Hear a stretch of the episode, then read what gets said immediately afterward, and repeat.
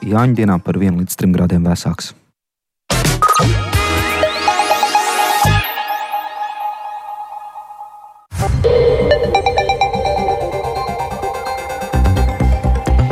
Divpadsmit un piecas minūtes Latvijas radio ēterā ziņu raidījums pusdiena ar plašāku skaidrojumu par šīs pirmdienas, 19. jūnija būtiskākajiem notikumiem. Studijā Dāca Pēkšēna. Esiet sveicināti! Un vispirms par to, ka sievietei ratiņkrēslā ar suni asistentu liedz iespēju lidot lidmašīnā par to, kādas sievietes ieraksts sociālajos tīklos ir raisījis plašu rezonanci sabiedrībā, liekot dis cilvēkiem diskutēt, cik tad pareizi konkrētajā situācijā ir rīkojusies līdzsabiedrība. Un vairāk par šo gadījumu ir gatava skaidrot kolēģi Agnija Lāsdiņa, kura šobrīd pievienojas tiešaidai. Sveika, Agnija! Ka, kas Labdien. īsti ir noticis un cik pamatots ir um, satraukums? Jā, tātad vakar kāda sieviete savā Facebook profilā dalījās ar ierakstu, stāstot, ka esot nācies ar savām acīm un ausīm piedzīvot nelāgu situāciju, atrodoties lidostā Rīga. Proti šai sievietei kavējās viņas reis, līdz ar to viņa izmantoja brīvo laiku, lai uzlādētu savu telefonu. Un kā viņa pati raksta publicētajā ierakstā, tad brīva vieta esot bijusi pie krēsliem, kas paredzēta cilvēkiem ar invaliditāti. Un, tobrīd šai sievietei blakus ir bijusi cita sieviete, jeb šī stāsta galvenā persona, kas ir baiva. Uh, baiba ir funkcionāli traucējumi, un viņu vienmēr pavada suns asistents. Un pēc brīža pie baibas esot pienākusi lidostas Rīga darbiniece, laipni pavēstot, ka baibas reisu apkalpo cita avio kompānija, nevis kā bija pirmīt paredzēts uh, līdzsabiedrība ir Baltika. Tāpēc uh, viņi, uh, proti šī otra kompānija, atsakoties uzņemt baibu uz lidmašīnas klāja kopā ar viņas suni. Un, ja būtu bijis eh, ar Air Baltica reisu, tad viss būtu bijis kārtībā, bet nu, baibai esot jāmeklē cits reis, ja viņa vēlas nokļūt ar savu suni pavadoni sev vēlamajā galamērķī. Un eh, šis ieraksts raisīja ļoti plašas uh, diskusijas sabiedrības starpā, un cilvēki bija patiesi nikni par līdzsabiedrības Air Baltica rīcību. Un, drīz vien arī pati baiba publicēja, proti pārpublicēja šīs sievietes ierakstu savā sociālo tīklu profilā, kurā apstiprināja, ka, ka šajā stāstā, ka viņa ir šī stāsta varone galvenā Un, un, šo, un šo stāstu papildināja rakst, rakstot savā ierakstā, ka šīs situācijas dēļ ir bez savas draudzenes un asistentus gandrīz uz nedēļu. Un, uh, lai gan ar Baltiku, kad Baiba pati pirka biļetes, apgalvoja, ka viss ir kārtībā un suns asistents varot lidot kopā ar viņu, tad uh, šoreiz ir gadījies tā, ka diemžēl šis ir atteikts. Un, kā raksta pati Baiba, tad šajā situācijā viņa nespēja saskatīt pozitīvo, jo viņa iedomājas cilvēkus, kuri nevar palikt bez savas suņa asistente. Un, uh, ja viņai tās esot fiziskas nērtības, krišanas draudi, lielāks nogurums, paliekot bez sava palīga un arī finansiāli zaudējumi, un uh, tostarp arī emocionāla trauma, tad uh, citiem cilvēkiem tas var būt pat dzīvības un nāves jautājums. Un, uh, līdzsabiedrība ar Baltiku gan ātri vakar reaģēja, skaidrojot situāciju sociālo tīklu komentāros, ka noskaidrojot situācijas apstākļus, viņi patiesi apstiprināja, ka uh, partneri līdzsabiedrības pārstāvi šajā lidojumā suni neuzņēma dažādu apstākļu, tā skaitā arī suņa labbūtības, kā arī lidojuma ilguma dēļ, un uh, ka kolēģi esot par to informējuši, informējuši pasažieri un piedāvājot citu lidojumu alternatīvu, bet uh, Baiba esot tomēr izvēlējusies uh, šo taisošo lidojumu. Un, uh, un, un, protams, līdzsabiedrība ir atvainojusies par šo radušo situāciju. Un šodien es arī sazinājos ar līdzsabiedrību ar Baltiku, un viņi sniegs plašāku komentāru, kad būs iegūši visu vajadzīgo informāciju par notikušo un arī to izvērtējuši.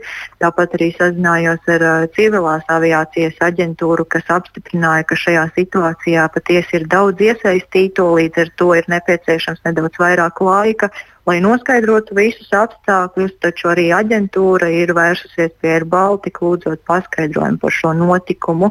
Un tāpat arī esmu sazinājusies ar, ar, pati, ar pašu Baibu, kas arī ir piekritusi komentēt šo situāciju. Dace.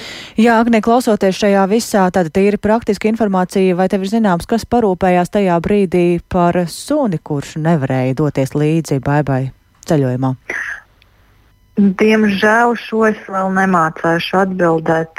Tā informācija nekur neparādās. Nu, tad, droši vien pēc sarunas ar Baibu par to būs plašāka informācija. Paldies Agnijai Lazdiņai tātad par to, cik bieži šādi gadījumi ir un kā šādos gadījumos šiem cilvēkiem rīkoties un kā būtu bijis jārīkojas sabiedrībai. Par to plašāk runāsim raidījumā pēcpusdiena.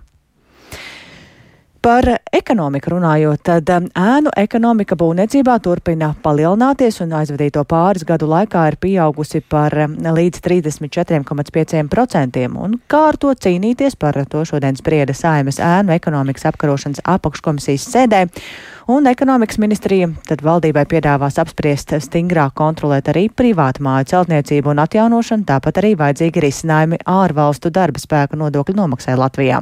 Par to vairāk ir gatavs stāstīt kolēģis Jānis Kīncis, kurš pievienojas manam tiešraidē. Sveiks, Jāni! Sveika, Dārts! Sveicināti klausītāji! Jā, laikā no 2016. līdz 2021. gadam Latvijā ēnu ekonomikas apjoms būvniecības nozarē dažādu pasākumu ietekmē saruka. Lielu lomu nospēlēja arī būvniecības nozares vēlme sadarboties ar ministrijām un izstrādāt kopīgus risinājumus ēnu ekonomikas mazināšanai.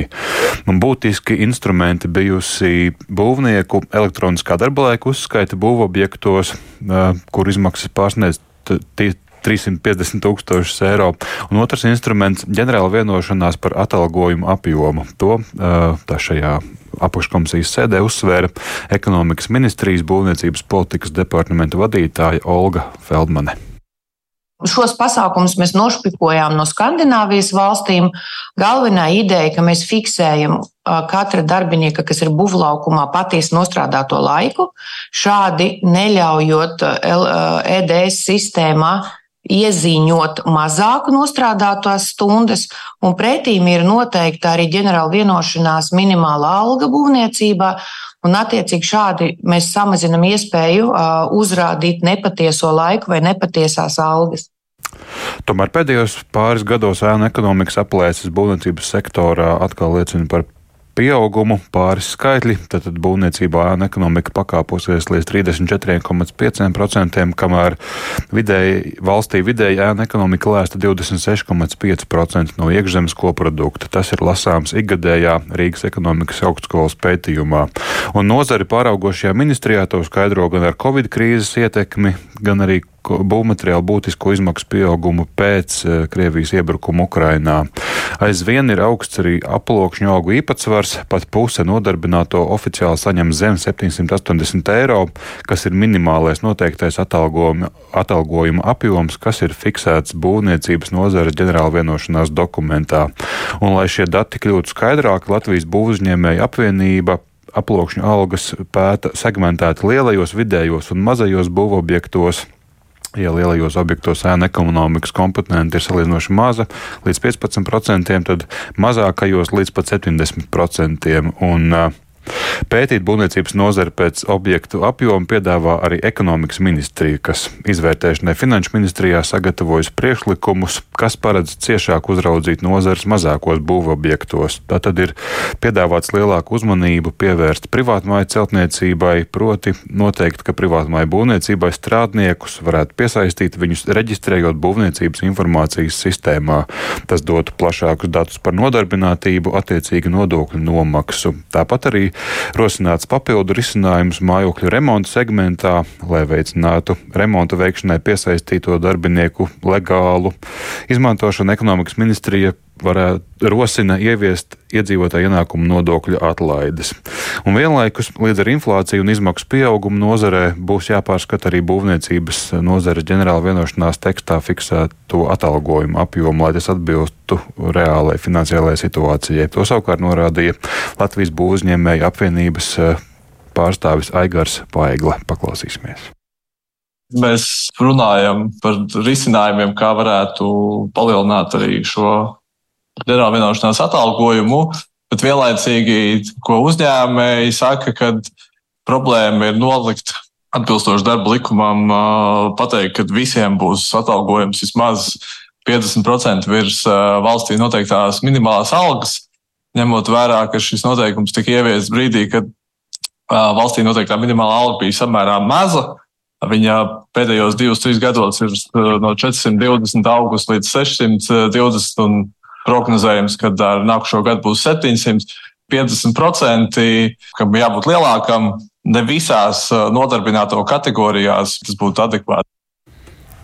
Apakškomisijas sēdē arī izvērsās ārvalstu darba spēka piesaistē būvniecībā tātad problēmām un ministrija uzdevumam rast iespējas, kā nodoklis par ārvalstu darba roku nodarbināšanu panāk, saglabāt, noturēt Latvijā, nevis piesaistīto darbinieku izcelsmes valstī. Un uh, lielāka skaidrība par to, kurus priekšlikumus būvniecības sektora plašākai uzraudzībai ieviesīs, ir sagaidāma vēlāk vasarā, jo Finanšu ministrija līdz jūlija beigām sagatavos un arī skatīšanai valdībā iesniegs jaunu ēnu ekonomikas ierobežošanas plānu, kas attieksies uz būvniecības jomu, bet ne tikai. Un tad jau augustā ar to varētu darboties valdībā. Paldies! Tās, tas tātad par ēnu ekonomiku un iespējām, ko tad ar to plāno darīt, lai mazinātu ēnu ekonomiku. Bet turpinot par um, to ekonomiku. Ir stāsts par to, ka būtisks tās attīstības pamats ir arī ārvalstu investīciju piesaist, un tas nozīmē papildu darba vietas, arī ienes jaunas zināšanas Latvijā. Pēc nepilnas stundas par to, kā piesaistīt ārvalstu investīcijas un par to konkurētspēju Baltijas reģionā runās Saimas tautsēmniecības komisijas uzņēmē darbības attīstības apakškomisijas sēdē. Un kā šorīt programmā labrīt kolēģim Kristapam Feldmanim sacīja Latvijas Universitātes biznesa vadības un ekonomikas fakultātes profesors Gundars Bērns. Bērziņš. Ārvalstu investoriem ir svarīga virspēļņa, tā tad ir svarīgi, cik pieejams ir darba spēks un kāda ir nodokļi, un tāpat arī svarīga stabilitāte politiskajā vidē. Paklausīsimies Bērziņa teikto. Un tur ir divas veidi stabilitātes. Ģeopolitiskā stabilitāte, kas Latvijai īstenībā nenāk pa labu šobrīd. Teiksim, godīgi arī ārzemju uzņēmumi izvērtē ģeopolitisko situāciju un e, savos aprēķinos par riska vidi konkrētajā valstī. Bet otrs faktors ir iekšējā politiskā stabilitāte. Es nedomāju, ka šobrīd Latvijai risks ir to, ka mainīsies ļoti būtisks politiskais kurs. Vairāk ko izvērtē parasti šajos gadījumos ir, vai nemainīsies politiskais kurs, pieņemsim, uz lielākiem nodokļiem, lielākiem sociāliem atbalstiem. Un, ja ir risks, ka mainīsies šādā veidā nodokļi, tad tas ir tas, ko vairāk skatās iekšā. Daudz runā par nodokļu izmaiņām, ir arī šīs darba grupas. Kā jūs redzat, vai vispār vajag kaut ko mainīt? Ja vajag, tad kādā virzienā mums jādodas? Vispirms būtu ļoti skaidri darba grupā jānoformulē, ko mēs gribam sasniegt ar šo nodokļu reformu. Vai mēs gribam tikai palielināt nodokļus, tas būtu nu, viens mērķis, vairāk budžetā vajag vairāk naudas, tāpēc mums vajag lielākus nodokļus. Tātad budžeta izpildes mērķis vai jauno budžeta vajadzību izpilde būtu viens no teiksim, mērķiem. Ja tas ir viens, tad tas ir īstenībā pretrunā ar to, ko saka visas darba devēja organizācijas, kuras saka, ka mums vajag nodokļu sistēmas konkurētspēju, kas ir gluži nav viens un tas pats ar budžeta izpildi. Trešais mērķis, kas varētu būt, ir nodokļu sistēmas būtiska vienkāršošana, kas ir arī zināmā mērā pamats ļoti augstām izmaksām gan administrēšanā, nodokļu sistēmas, gan arī viņa teiksim, nodokļu nomaksā. Un izpratnē par nodokļiem. Tas arī ir veids, kā ēna ekonomika apkarot. Tad, jo vienkāršāk nodokļu sistēma, jo vienkāršāk ir faktiski strādāt un, un cīnīties ar ēnu ekonomiku. Tā kā es teiktu, ka galvenais uzdevums būtu noformulēt, kāds ir mērķis. Tad arī vienkārši sabiedrība varēs pamatot, nu, jā, mēs izvēlējāmies šo mērķi, un tāpēc nodokļu sistēma ir tāda, tāda un tāda. Tik tālu fragments no sarunas raidījumā Labrīt ar Latvijas Universitātes biznesa vadības un ekonomikas fakultātes profesoru Gundaru Bērziņu. Tikmēr kopējais Latvijas ekonomikas attīstības tendences tiek vērtēts aizvien pozitīvāk, un to liecina šorīt publiskotās Latvijas bankas prognozes. Iekšzemes koprodukta pieaugums šim gadam no iepriekš prognozētajiem 0,5% ir paaugstināts līdz 1,2%, savukārt vidējās inflācijas prognoze no 10% samazināta līdz 8,5%, bet plašāku komentāru tad klausieties raidījumā pēcpusdienā. Noslēgumam tuvojas ASV valsts sekretāra Antonija Blinkena divu dienu vizīte Pekinā. Pašlaik viņš tiekas ar Ķīnas prezidentu Sīdziņpinu, bet iepriekš Blinkenam bija arī saruna ar Ķīnas augstākajiem diplomātiem, lai mēģinātu nogaltināt abu lielvaru attiecības, kas ir sasniegušas vienu no zemākajiem punktiem to vēsturē. Mās ticams, ka Blinkena vizīte ļaus atrisināt nesaskaņas daudzos būtiskos jautājumos, taču tā paver iespējas turpmākam dialogam starp Vašingtonu un Pekinu. Un studijā šobrīd šobrīd ir kolēģis Uldis Tiesberis, kurš seko līdzi politiķu sarunām Pekinā, tāpēc arī uzreiz jautāšu, kā līdz šim ir noritējusi Blinkena vizīte Pekinā. Jā, kā jau tika minēts, tad pašlaik norisinās uh, Blinkena tikšanās ar Ķīnas prezidentu Sīdziņu Pīnu. Ir arī parādījušās uh, pirmās fotogrāfijas uh, ar, ar to, kā viņi sarokojas. Bet pirms tam šorīt Blinkens tikās ar Ķīnas komunistiskās partijas centrāla komitejas ārlietu komisijas direktoru Vanu Jī, kurš tiek uzskatīts jā, par Ķīnas augstāko diplomātu, augstāk pat par um, ārlietu ministru. Un e, viņi apsprieda virkni dažādu jautājumu, sākot ar divpusējo tirzniecību un spriedzi Taivānas šaurumā un beidzot ar Ķīnas teritoriālajām pretenzijām Dienvidķīnas jūrā un Pekinas nevēlēšanos nosūdīt, nosodīt Krievijas izvērsto karu Ukrainā. Sākotnēji bija paredzēts, ka Blinkena un Vana Jī tikšanās ilgs divas stundas, bet tā bija norunājuma par aptuveni stundu ilgāk. Un pēc eh, tikšanās Ķīnas ārlietu ministrija izplatīja Vanajī paziņojumu, kurā diplomāts eh, abu valstu saspīlētās attiecībās vainoja ASV nepareizo priekšstatu par Ķīnu. Eh, viņš arī norādīja, ka Pekina neiesaistīsies kompromisos attiecībā uz Taivānu, ko tā uzskata par savu teritoriju, un pieprasīja ASV atcelt sankcijas pret Ķīnu un izbeigt vēršanos pret Ķīnas tehnoloģiju uzņēmumiem, kurus amerikāņi tur aizdomās par spiegošanu Ķīnas valdības labā. Un Vans Jī arī piebilda, ka Ķīnas un ASV attiecības atrodas nu, tādās kā krustcelēs, tāpēc esot jāizvēlas starp sadarbību vai konfliktu. Eh, Blinkens un viņa pārstāvji šodien nav snieguši komentārus par vizītes gaidu, bet eh, sagaidāms, ka pirms izlidošanas no Pekinas ASV valsts sekretāram eh, notiks arī preses konference, kurā tad viņš noteikti arī vairāk pastāstīs par to, kā tad viņam šajās divās dienās ir klājies Pekinā. Katrā ziņā šādas vizītes parasti arī vērtē analītiķi. Ko viņi saka par šo vizīti? Jā, no analītiķi, tāpat kā ASV un Ķīnas diplomāti, neloloja lielas cerības, ka šī vizīte varētu ievērojami uzlabot uh, lielvaru attiecības, taču viņuprāt tā mm, rada pozitīvu signālu, ka Vašingtona un Pekina vēlas sarunāties. Un Austrālijas Nacionālās universitātes pētnieks Benjamins Herskovičs uzskata, ka tas jau ir sasniegums, taču viņš nesaradz iespēju, kā ASV un Ķīna varētu pārvarēt savstarpējo neusticību, un varam paklausīties arī viņa komentāru. When you have two capitals at loggerheads like this, So Kad divām valstīm ir tik milzīgas domstarpības, tad ir grūti par kaut ko vienoties, un tas palielina iespēju, kā arī jautājumi, par kuriem šīs valstis varētu vienoties vai kuros tās varētu sadarboties, kļūs par upuriem šim milzīgajam saspīlējumam. Labs piemērs ir cīņa pret klimata pārmaiņām. Ķīna un ASV ir ieinteresētas efektīvi reaģēt uz klimata pārmaiņām, bet tās uztver viena otras iniciatīvas kā kaut ko tādu, kas otrai pusē varētu dot priekšrocības. Tāpēc tas ir jāuztver ar aizdomām, vai pat jāmēģina to nepieļaut.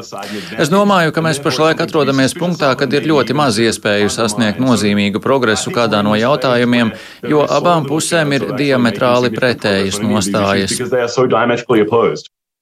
Jā, un Heskovičs arī neredz iespēju, ka Ķīna varētu atkāpties no savas pozīcijas, atklāti nekritizēt Krievijas militāro agresiju Ukrainā, jo Pekinai ir gan politiski, gan uh, ekonomiski izdevīgi padziļināt attiecības ar Maskavu. Uh, bet vienlaikus uh, nekas neliecinot arī, ka ASV varētu atteikties no plāniem padziļināt attiecības ar Ķīnu, ko Pekina vēlas atgūt savā kontrolē ar, jebkādiem līdzekļiem, arī militāriem. Nu, tā tad mēs redzam, ka ir joprojām ir šie jautājumi, kuros abām valstīm ir milzīgas, milzīgas domstarpības.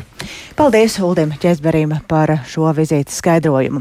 Bet mēs atgriežamies pašmājās. Latvijā veidos 76 jaunus dabas liegumus, un tas tiek darīts, lai izbeigtu pret Latviju ierosināto pārkāpumu procedūru, kas saistīta ar nepietiekamu aizsardzību Eiropas Savienības nozīmes biotopiem, galvenokārt staignāju mežiem. Latgalē ir plānoti 16 jauni dabas liegumi, un tostarp arī Reizeknes novada Gadrinkas ezera mežos, bet vairāk Īvetes Čigānas ierakstām. Gadrinkas ezers atrodas Rēzeknes novada Feimaņu pagastā. Grants ceļš, kas vies no šosejas A13 put, un pa ceļam līdz ezeram slēdo priežu mežā, var redzēt nevienu vien izcirtumu. Tā ir Latvijas valsts mežu teritorija, un redzams, ka saimnieciskā darbība mežā veikta jau labu laiku. Gar ceļa malām ir gan jaunas cirsmas, gan dažāda vecuma stādītas jaunaudzes. Kā atzīst dabas aizsardzības pārvaldes dabas aizsardzības departamenta direktora Ginta Strode, tā kā ieplānots daļu mežu teritorijas iekļaut jaunajā dabas liegumā, saimnieciskā darbība tur vairs nenotiks. Mēs atrodamies pie Gadrinkas ezera. Un šeit ir viena no tām vietām, kur tiek veidots dabas liegums. Šeit ir šis Gadrinkas ezers un vēl tad ir mazi ezeriņi, kuriem apkārt atrodas maz ietekmēti meža masīvi. Tad, tad šie vecie priežu meži, boreālie meži. Ir arī staignāji, ezeru slīkšņas, melnākšņu pleķīši. Te arī dzīvjērglis netālu liksdot. Ginta Strode atklāja, ka topošais Gadrinkas ezera mežu dabas liegums ir īpašs ar to, ka sastāv no vairākām daļām, kur koncentrējas vērtīgākie dabas meži, bet apkārt ir saimnieciskie meži. Šī ir vieta, kur ir uh, saglabājusies salīdzinoši liela dabas daudzveidība. Tagad arī jāņem vērā, ka netālu ir Ušona ezers ar, ar savām salām. Lielāko daļu topošo dabas liegumu plānots ierīkot uzņēmuma Latvijas valsts meža teritorijā.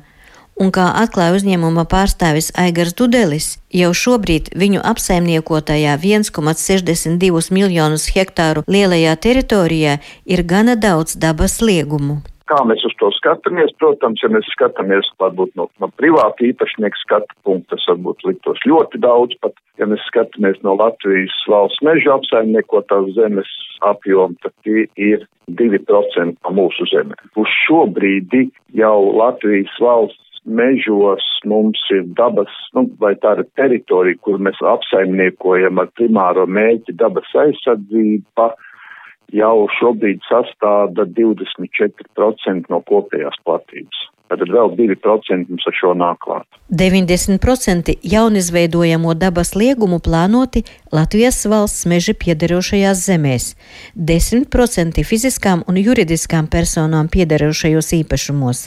Tajā skaitā tiešie ierobežojumi 406 hektāru platībā skars fiziskās personas. Kā uzsver varam dabas aizsardzības departamenta direktore Daina Vilkaste, patreiz valstī notiek sabiedriskās apspriešanas un diskusijas par dabas liegumu robežām arī ar mežu privātīpašniekiem, kam gadījumā jau uz viņu zemes tiek izveidos dabas liegums, paredzētas kompensācijas. Patreiz ir tā, ka mēs veidojam šos liegumus būtībā tikai uz valsts zemēm, tā ir vienošanās ar Latvijas valsts mežiem, jau skatot konkrētās šos dabas liegumu robežas. 3. aprīlī ministrs kabinets ir pieņēmis jaunus noteikumus par atbalstu kārtību Eiropas lauksaimniecības fonda lauka attīstībai, un tur ir iekšā arī šis maksājums Natura 2000, tieši kas ir pa mežiem.